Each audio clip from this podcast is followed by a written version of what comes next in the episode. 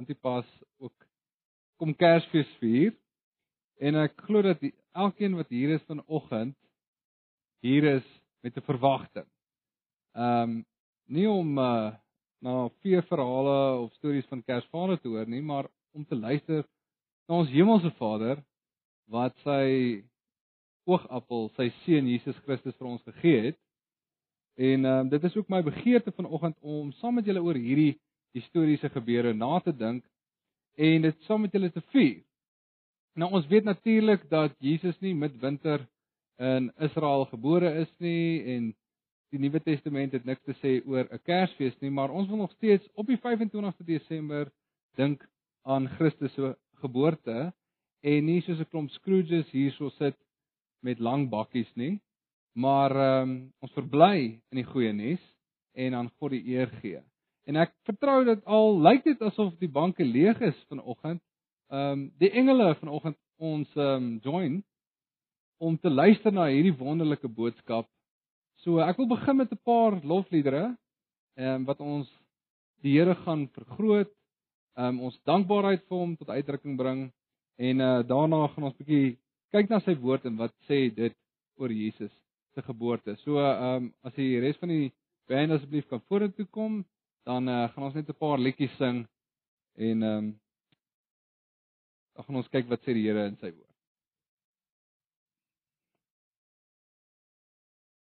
Kan ons net asseblief ons oë sluit en dan bid ons tot die Here en vra ons vra ons om dat hy ons sal iets sal wys maak iets um, sal oopbreek wat dalk vir ons baie bekend mag wees, storie wat ons almal gehoor het, maar dat dit vanoggend vir ons vas sal wees. So kom ons bid tot die Here.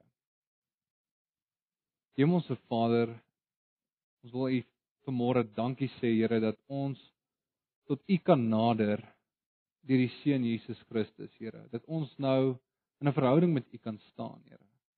Waar daar vrede is, Here. Hemelse Vader, ons wil U vra dat U ons vanoggend daai vreugde sal gee, Here.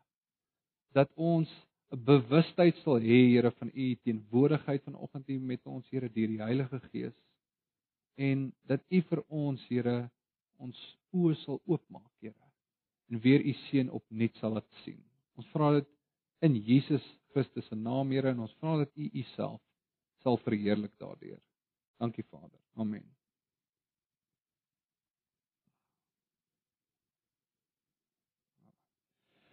Ek wil graag vir julle drie gedeeltes uit Lukas se evangelie van môre lees. So as julle kan blaai na Lukas se evangelie, dan gaan ek vir julle lees ehm um, vanaf vers 1 en ons gaan kyk na die inleiding van die brief. Uh tweedens gaan ons kyk na die aankondiging van Christus se geboorte en dan derdens gaan ons kyk na die beskrywing van die gebeure rondom Christus se geboorte.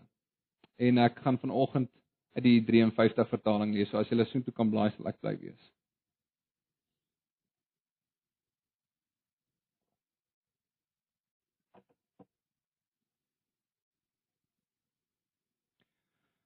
Lukas 1 vers 1. Aangesien baie onderneem het om 'n verhaal op te stel oor die dinge wat onder ons al vervul is, soos hulle wat van die begin af ooggetuies en dienaars van die woord was, dit aan ons oorgelewer het, het ek ook dit goed gedink, hooggeagte Theophilus, nadat nadat ek van voor alles noukeurig ondersoek het om dit in volgorde aan u te skrywe sodat u met volle sekerheid kan weet die dinge waaromtrent u onderrig is. Kom ons kyk na vers 26 van hoofstuk 1. En in die 6ste maand is die engel Gabriël deur God gestuur na 'n stad in Galilea met die naam van Nasaret, na 'n maagd wat verloof was aan 'n man met die naam van Josef uit die huis van Dawid en die naam van die maagd was Maria.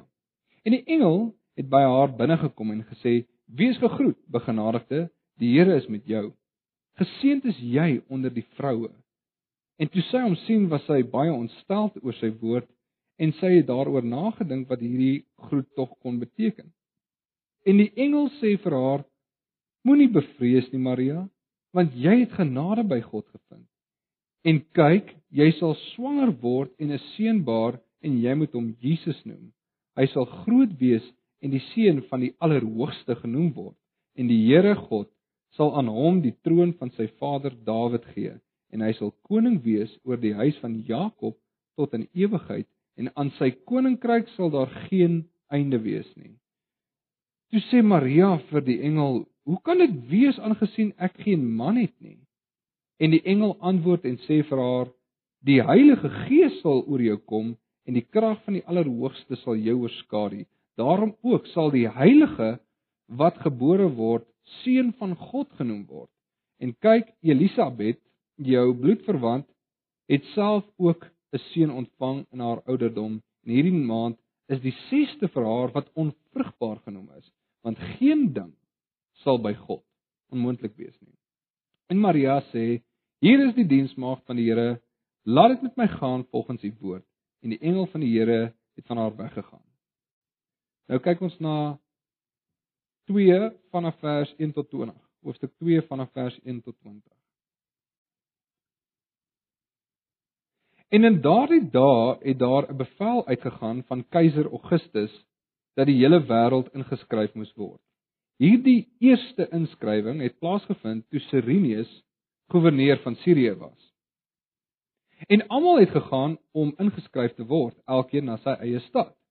En Josef het ook opgegaan van Galilea uit die stad Nasaret na Judea na die stad van Dawid wat Bethlehem genoem word omdat hy uit die huis van en geslag van Dawid was om hom te laat inskrywe saam met Maria die vrou aan wie hy hom verloof het wat swanger was en terwyl hulle daar was is die dae vervul dat sy moes baar en sy het haar eersgebore seun gebaar en hom toegedraai in doeke en hom in die krib neergelê omdat daar geen plek in die herberg was nie. Vers 8. En daar was herders in dieselfde landstreek wat in die oop veld gebly en in die nag oor hulle skape wag gehou het. En met een staan daar 'n engel van die Here by hulle en die heerlikheid van die Here het rondom hulle geskyn en groot vrees het hulle oorweldig. En die engel sê vir hulle: Moenie vrees nie, want kyk, ek bring julle 'n goeie tyding van groot blydskap wat vir die hele volk sal wees dat vir julle vandag in die stad van Dawid gebore is die saligmaker wat Christus die Here is. En dit is vir julle die teken. Julle sal 'n kindjie vind wat in doeke toegedraai is en wat in die krib lê. En skielik was daar saam met die engel 'n menigte van die hemelse leerskare wat God prys en sê: Eer aan God in die hoogste hemele en vrede op aarde in die mense welbehaag net tot sover. Nou in hierdie tyd van die jaar maak almal hulle reg om feeste te vier. Inkopiesentrums word versier en ek is ehm um, seker dat julle al hierdie ouens, hierdie kelners by restaurante gekry het en kitskos ehm um, eetplekke wat rooi missies op het en julle groet met 'n Merry Christmas.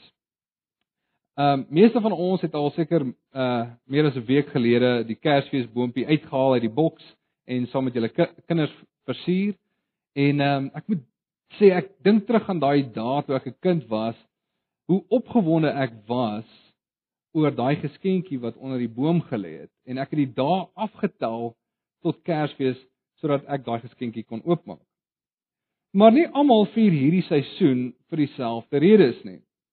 Party sien Kersfees as 'n godsdienstige fees en ander sien Kersfees weer ehm um, as 'n inklusiewe fees en hulle wil dit eerder die fees van die onbekende noem of Xmas. Party mense sien dit as 'n tyd om saam met vriende en familie te wees en ander sien dit as 'n besigheidsgeleentheid. Maar hoe dit ook al sê, hierdie fees word gevier in die gees van welwillendheid waar mense ehm um, dit wil betoon aan mekaar deur om geskenke vir mekaar te gee. Dit word gesien as 'n tydperk van groot blydskap. Nou daar is twee verhale wat graag vertel word eh, gedurende hierdie tyd, die verhaal van Christus se geboorte en dan die storie van Kersvader. Julle ken almal die storie, daar is wel 'n paar ooreenkomste tussen hierdie verhale, maar daar is drastiese verskille ook. Maar almal weet dat fabels jou net vir so lank kan bly maak. En dan word jy groot. Die geskenkie onder die boom kan jy ook net vir 'n week of wat gelukkig maak. Dan wag jy weer vir die volgende Kersfees. En bovendien maak verskillende goed vir verskillende mense bly. Daar is 'n gesegde in Engels: different strokes for different oaks. Ehm um, as ek 'n simbaal onder die boontjie sien lê, dan gaan ek kinderlik opgewonde word, maar my vrou gaan dit dalk nie eens raak sien nie. Ten minste wat ek haar nuwe blender gaan raak sien. Maar daar is dinge wat die mensdom oor die algemeen behoort bly te maak. En dit is dinge soos vrede. Wêreldvrede. Dit moet werklike vrede wees, nie 'n blote skietstilstand nie. Dit moet feitelik waar wees en nie net nog 'n Kersvader verhaal nie. Smag ons nie almal na vrede nie. Smag ons nie almal daarna dat die mense net moet ophou om met mekaar te beklei nie. Maar ongelukkig is Kersvader magteloos om hierdie tipe vrede teweeg te bring. Maar nou is die vraag wat van Christus? Is hy 'n feit of net nog 'n fabel soos Kersvader? Nou vanoggend wil ek vir julle aan die hand van Lukas se evangelie wys dat Christus 'n feit is en nie 'n fabel nie. En dat hy die fondasie van voortdurende blydskap behoort te wees hierdie Kersfees, die nuwe jaar en elke jaar. vir almal. So wat ek gaan doen is om na die geskiedkundige betroubaarheid te kyk van Lukas as 'n skrywer in die eerste plek. Dan gaan ek kyk na wat sê hy oor Jesus en hoekom dit ons behoort bly te maak. En dan gaan ek afsluit met 'n paar praktiese toepassings. So eerstens, kom ons kyk nou saam na Lukas se brief en na die geskiedkundige betroubaarheid van Lukas. As 'n mens in uh, in die oggende jou Bybelstudie wil doen, dan is jy geneig om oor gedeeltes soos die inleiding van Lukas te wil lees, want jy wil by die juicy gedeeltes uitkom, nie waar nie? Maar jy gaan 'n fout maak as jy dit doen. In vers 1 het ons gelees aangesien baie onderneem het om 'n verhaal op te stel oor die dinge wat onder ons vervul is. Met ander woorde, Lukas was nie die eerste persoon wat oor Jesus geskryf het nie. 'n Mens behoort te stop en te dink en jouself af te vra wat maak 'n skrynwerker van Nasaret so spesiaal dat mense oor hom wil skryf dat hulle hulle lewens op sy woord wil baseer en hulle volle vertroue in hom wil stel. En nie net 'n bietjie mense nie. Vandag oor die biljoene. Wat maak hierdie persoon so spesiaal? Nou, as dit waar was dat hy wonderwerke verrig het, op die water geloop het, dooies lewend lewendig gemaak het, as dit waar was dat daar baie hordes ouens sy wonderwerke beleef het. Sy unieke lering gehoor het. Dalk vir Lazarus gesien het wat dood was en nou hier tussen hulle rondloop. En vir ander mense vertel het. Dan is dit voor die hand liggend dat die antieke Palestina gegons het oor Jesus en dat mense oor hom wou skryf. Nou ons weet dat Lukas heel waarskynlik die derde evangelie was wat geskryf is naas Markus en Matteus En uh dus het Lukas toegang gehad nie net tot hierdie evangelies nie, maar tot baie ander wat ook oor Lukas geskryf uh, oor Jesus geskryf het. So hy het toegang gehad tot baie leesstof oor Jesus. Verder het Lukas geskryf oor die dinge wat onder hulle vervul is. Dit is 'n aanduiding van Ou Testamentiese profesie. En dit speel 'n groot rol in Lukas se evangelie, Markus en Matteus. Nou, wat Lukas vir ons wil wys is deur om skrywers soos Jesaja en Maleagi en Daniël en Dawid se psalms aantal is dat hierdie persoon oor wie hy skryf, se koms al van lankal af gaan geantisipeer is. In vers 2 lees ons soos hulle wat van die begin af ooggetuies en dienaars van die woord was, dit aan ons oorgelewer het. Ekskuus.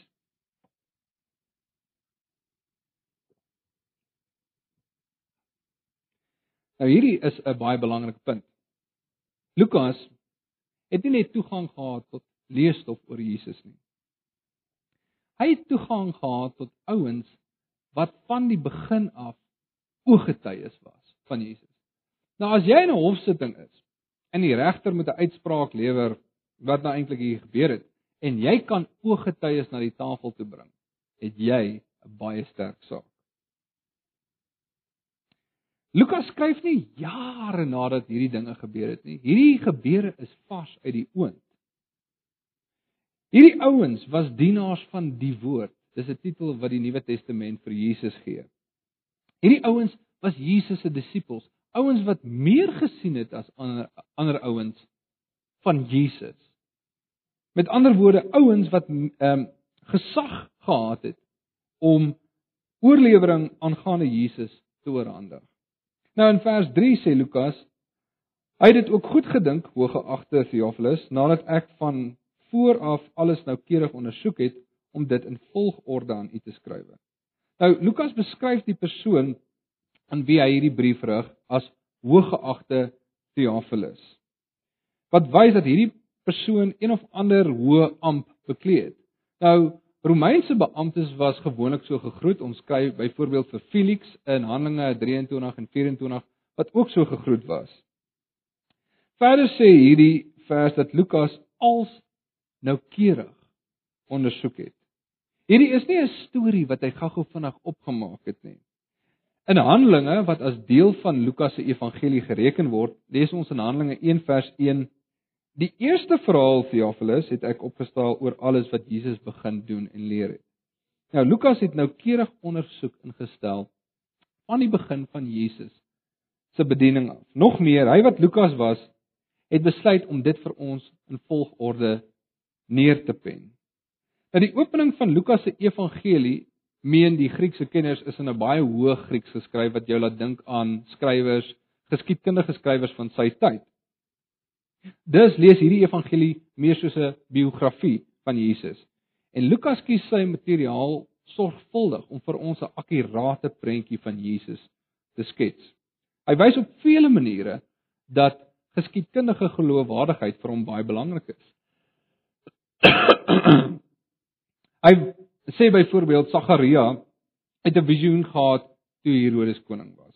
Jesus was gebore in die dae toe keiser Augustus 'n bevel gegee dat die hele Romeinse ryk belas moes word. In die dae toe Cyrenius as 'n goewerneur opgetree het. Johannes se bediening het begin in die 15de jaar van die regering van keiser Tiberius, toe Pontius Pilatus goewerneur was van Judea en Herodes viervors van Galilea etc. So hy wil wys hierdie dinge is vir hom belangrik. Nou daar is 'n paar ouens wat Lukas wil aanval as 'n historiese skrywer. Hulle sê dat hoorie maar wag, Serenius se inskrywing het eers hierso tussen 6 en 7 na Christus gebeur. So dis 'n bietjie laat vir Jesus se geboorte. Maar let wel dat Lukas praat van die eerste inskrywing van Serenius. Ehm um, so Lukas was bewus van ander inskrywings.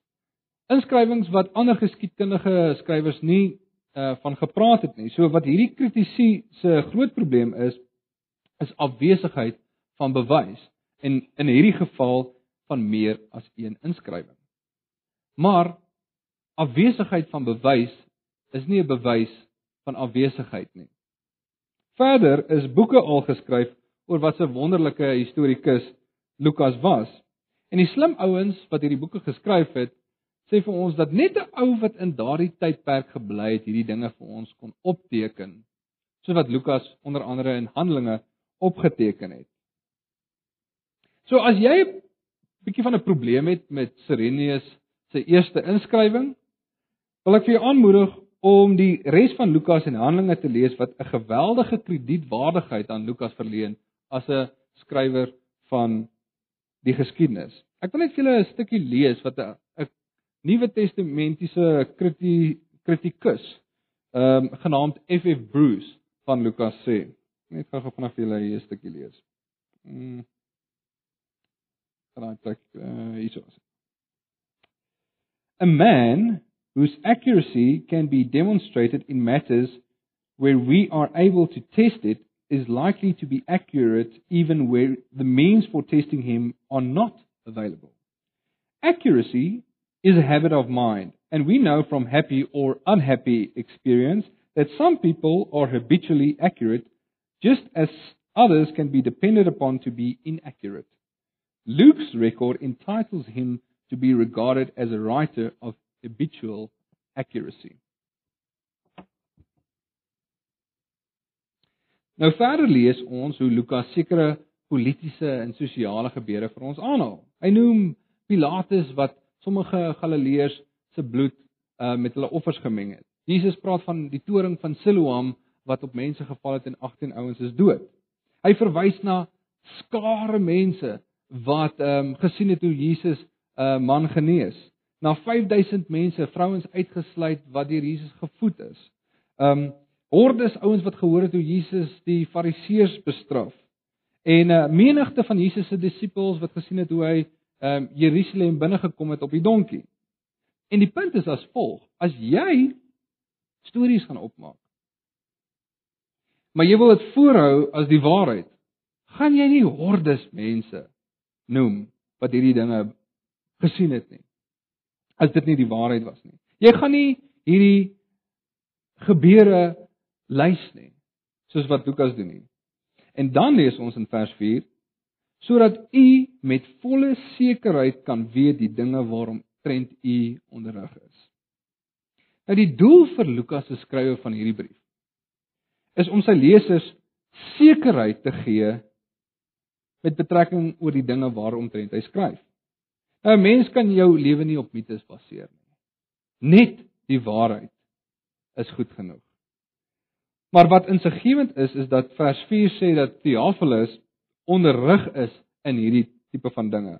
Wat vir ons aandui dat hy nie net 'n terloopse hoorder was nie. Nee, hy is onderrig. Dit laat Theophilus meer klink soos 'n jong bekeerling as 'n terloopse hoorder. Selfs koning Agrippa het vir Paulus gesê: "Jesus Paulus, jy het my nou amper oortuig om 'n Christen te word."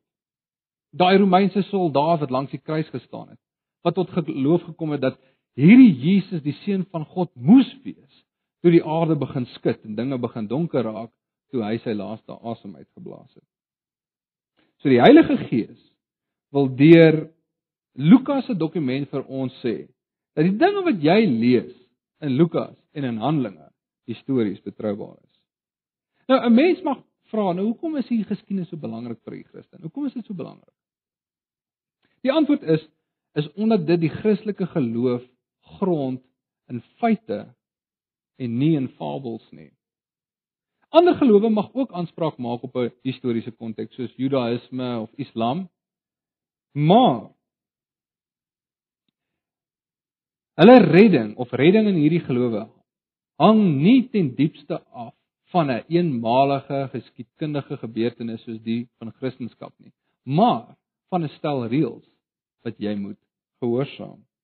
Paulus sê as Jesus nie uit die dood uit opgestaan het nie, dan mors ons ons tyd hier vanoggend en ons is nog steeds in ons sonde. Nou my redding lê buitekant myself en dit lê in Christus. Ek verkry net toegang tot daardie redding deur om in hom te glo. Ek kan niks byvoeg by dit wat hy gedoen het nie. Ek kan niks wegvat van dit wat hy gedoen het nie. Maar as Christus nie is wie hy sê hy is nie, dan is my redding en my geloof leeg. Maar ek dink dit sit Christendom in 'n ander kategorie. Want dit gee vir ons 'n middel waardeur ons Christendom se egtheid kan verifieer. Nou ek wil net nog 'n laaste ding noem oor baie geskiedkundige skrywers se benadering tot bonatuurlike gebeure. As jy die heelal sien as 'n geslote stelsel met geen inwerking van buite af nie. Met ander woorde, jy glo nie in bonatuurlike dinge nie. Dan gaan jy 'n probleem hê met Lukas se evangelie. Maar ek dink die probleem lê met jou voorveronderstelling wat nie regtig bewys kan word nie. As ons kyk na die data tot ons beskikking, kan ons baie seker wees dat die heelal tyd, ruimte materie en energie 'n begin gehad het. En wat ook al dit veroorsaak het, ehm um, hierdie heel altyd ruimte en materie moes tydloos, ruimteloos, nie fisies en baie kragtig gewees het. So reg in die begin van die heelal sit ons met 'n bonatuurlike of 'n metafisiese inwerking op hierdie heelal. So as jy nou enige verdere metafisiese of bonatuurlike inwerkings wil ontken, wil ek vir jou sê is dit om die minste te sê 'n bietjie onbillik.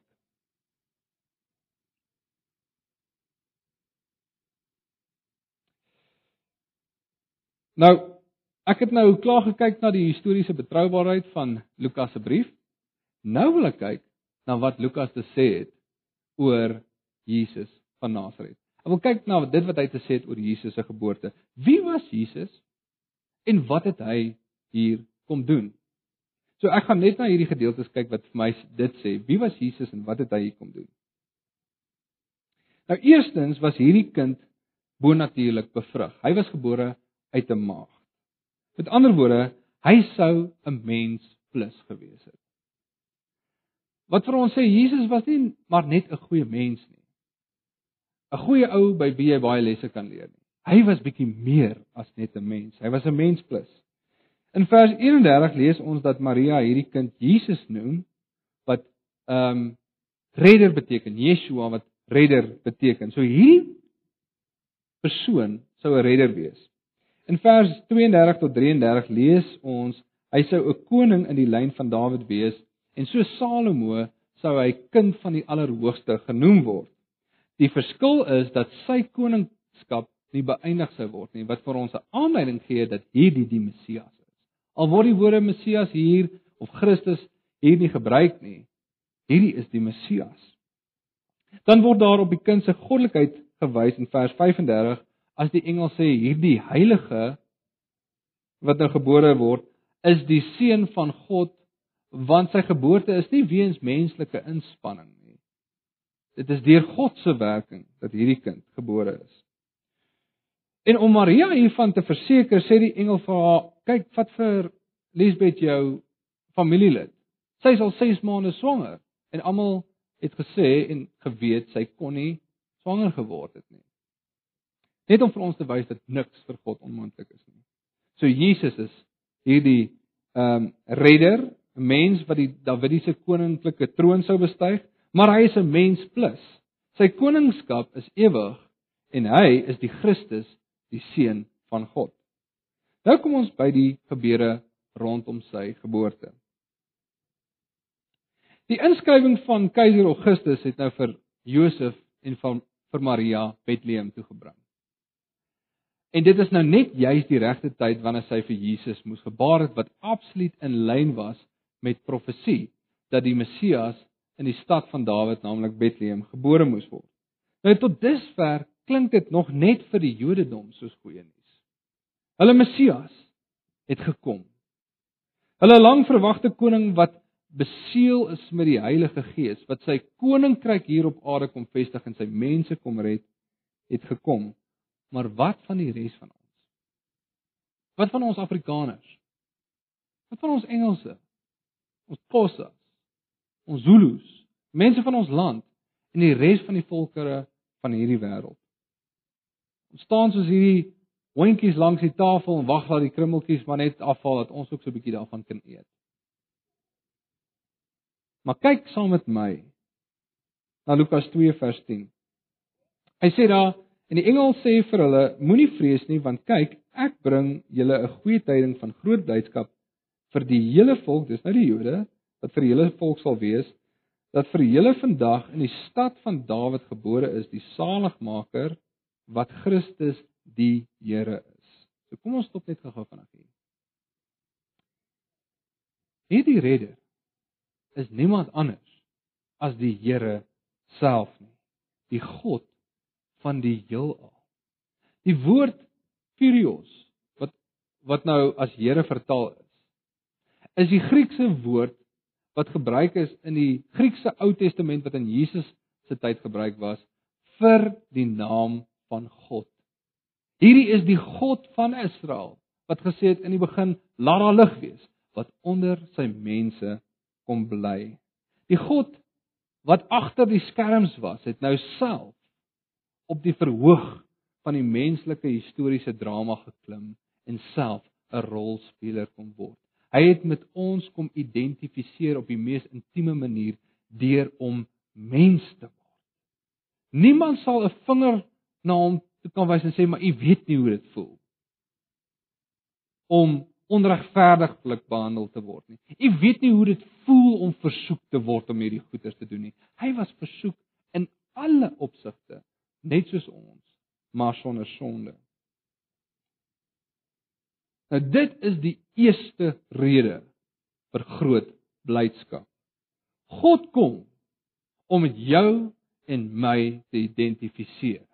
Met jou swaar kry, jou pyn, jou frustrasies. Hy weet wat dit is om mens te wees. Nou om ons te help om hierdie gedagte bietjie vas te vat en saam met ons huis toe te vat en om dalk 'n paar kwelvrae te beantwoord as jy nou na die tyd hieroor gaan dink. Wil ek net 'n bietjie stil staan by hier by die menswording van God. Nou as jy die Nuwe Testament bestudeer, dan sien jy dat die Nuwe Testament vir Christus beskryf as ten volle God en ten volle mens. Hy het nie 'n gesplete persoonlikheid of hierdie is nie twee persone asof die Here hierdie kind beset het by geboorte en dan verlaat het by sy kruisiging nie. Hierdie is een goddelike persoon met twee volledige nature, goddelik en menslik.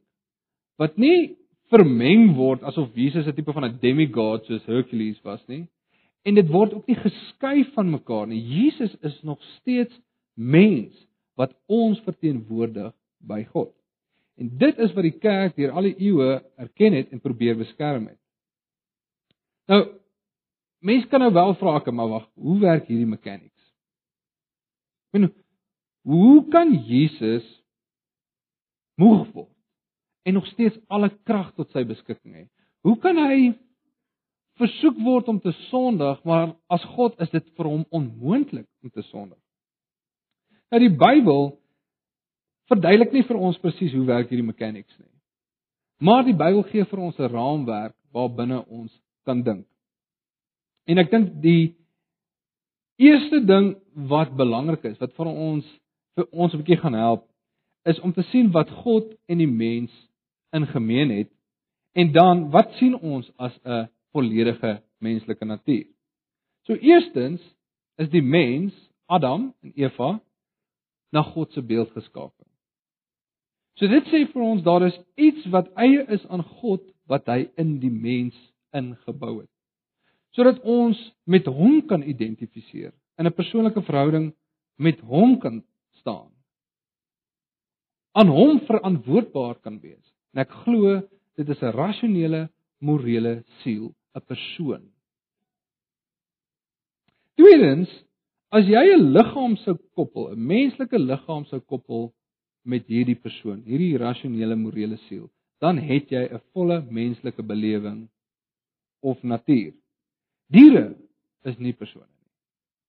As die kat die muis vang, dan gaan ons hom nie verantwoordbaar hou nie. Ons gaan nie ooreenkomstiglik straf uitdeel nie. Niemand se wenkbroue gaan eers gelig word as 'n haai mannetjie homself afforceer op 'n haai wyfie nie. Maar as mense het ons 'n objektiewe morele verantwoordelikheid teenoor ander mense in die skepping rondom ons. Ons moet antwoord tot 'n gesag vir ons dade. En ons moet tot God antwoord. As dit nie so was nie, was ons niks anders as katte en haie en sou ons niemand kon verkwalik as hy soos 'n aap optree nie. As God nie bestaan nie, bestaan objektiewe morele waardes en verpligtinge ook nie. So, kortom, as jy hierdie aspek van God se natuur wat die mens ook in gemeen het met 'n menslike liggaam verbind, het jy een goddelike persoon en twee volledige nature, goddelik en menslik. Maar die tyd verhoed ons om nou 'n bietjie verder hier hierop in te sak, so ek moet ongelukkig aanbeweeg. So die eerste rede waaroor ons kan bly wees is dat God mens geword het en met ons kom identifiseer. Hy weet wat dit is om 'n mens soos jy te wees. Die tweede rede lees ons van in vers 13 en 14. Kom ons lees dit weer saam. En skielik was daar saam met die engel 'n menigte van die hemelse leerskare wat God prys en sê: Eer aan God in die hoogste hemele en vrede op aarde in die mense 'n welbehae. So ten diepste is hierdie blye boodskap 'n boodskap van dankbaarheid wat aan God gerig word omdat hy vrede met die mense kom maak. Nou hierdie is 'n gelaaide gedagte. Hierdie is nie 'n saak van different strokes for different oaks nie. Hierdie is ook nie 'n Kersvader fabel nie. Hierdie is werklike goeie nuus wat gaan oor 'n vyandskap wat millenniums oud is maar wat nou einde gekry het. En hierdie vyandskap het nie gegaan tussen Jood en Romein nie, alhoewel daai vyandskap daar was. Hierdie vyandskap het nie gegaan oor hierdie nasie teenoor daai nasie nie, alhoewel oorloë so oud is soos die mens. Hierdie vyandskap het gegaan het, het begin altans die dag toe die eerste mens Adam vir God se woord in die wind geslaan het en eerder 'n doodsbestaan gekies het eerder as om in verhouding met God te staan en te lewe. En sodoende het hy die res van ons mense in gemors ingedompel. Sonde het hierdie verhouding verbreek. Maar as julle nou dink ek's nou besig om goeters in Lukas in te lees, blaai bietjie saam met my na Lukas 3 vers 23. Kyk 'n bietjie saam daar na Lukas 3 vers 23.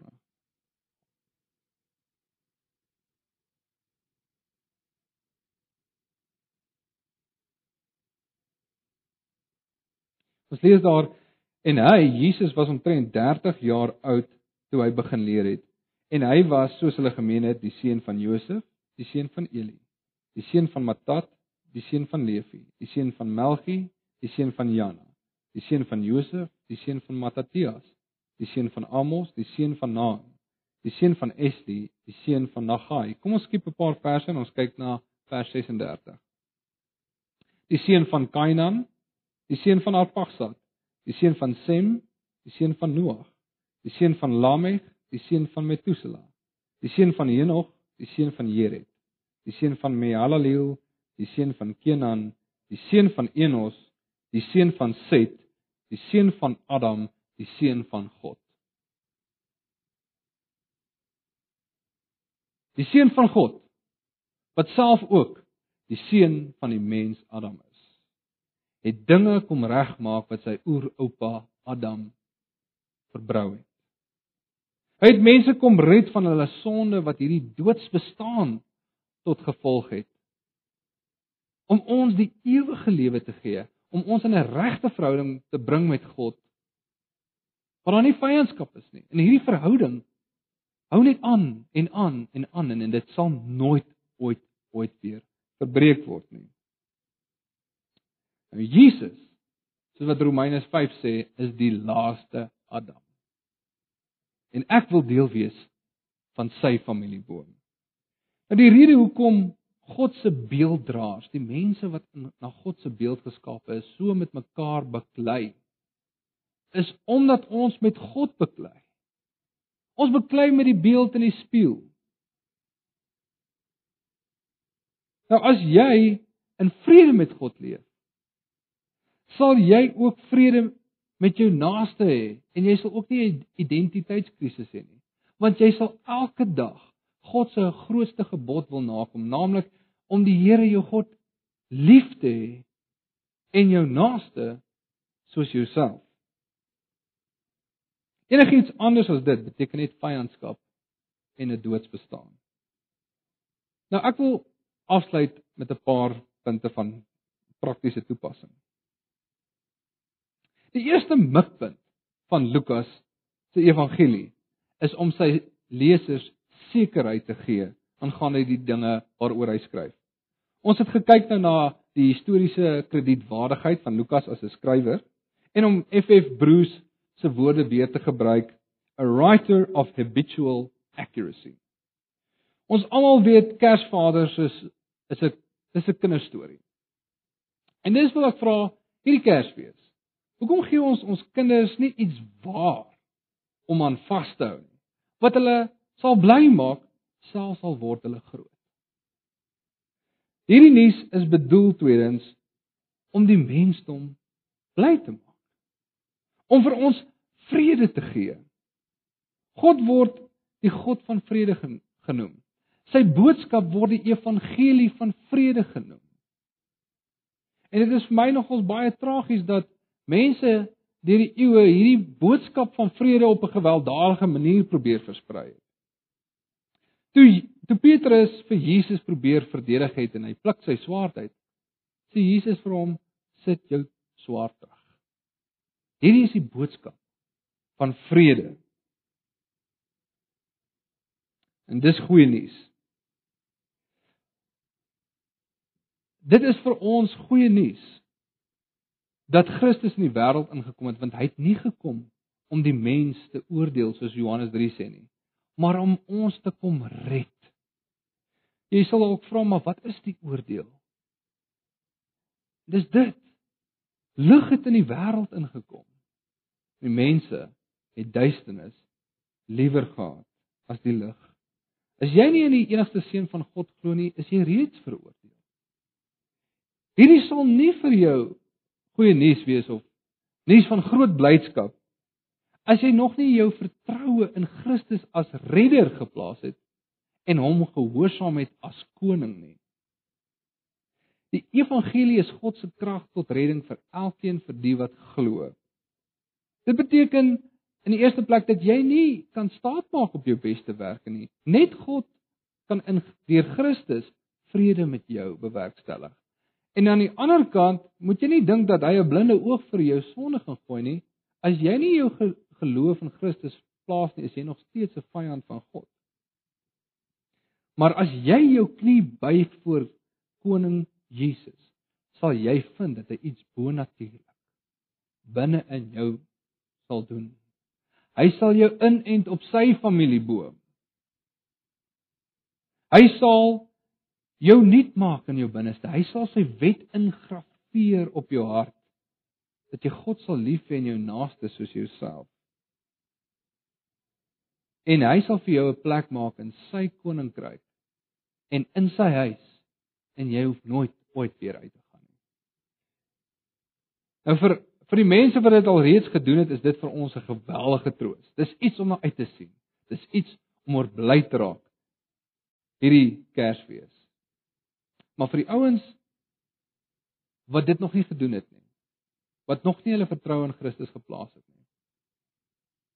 Gaan dit nie goeie nuus wees nie. So ek wil vra watse vooropgestelde gedagtes verhinder jou nog?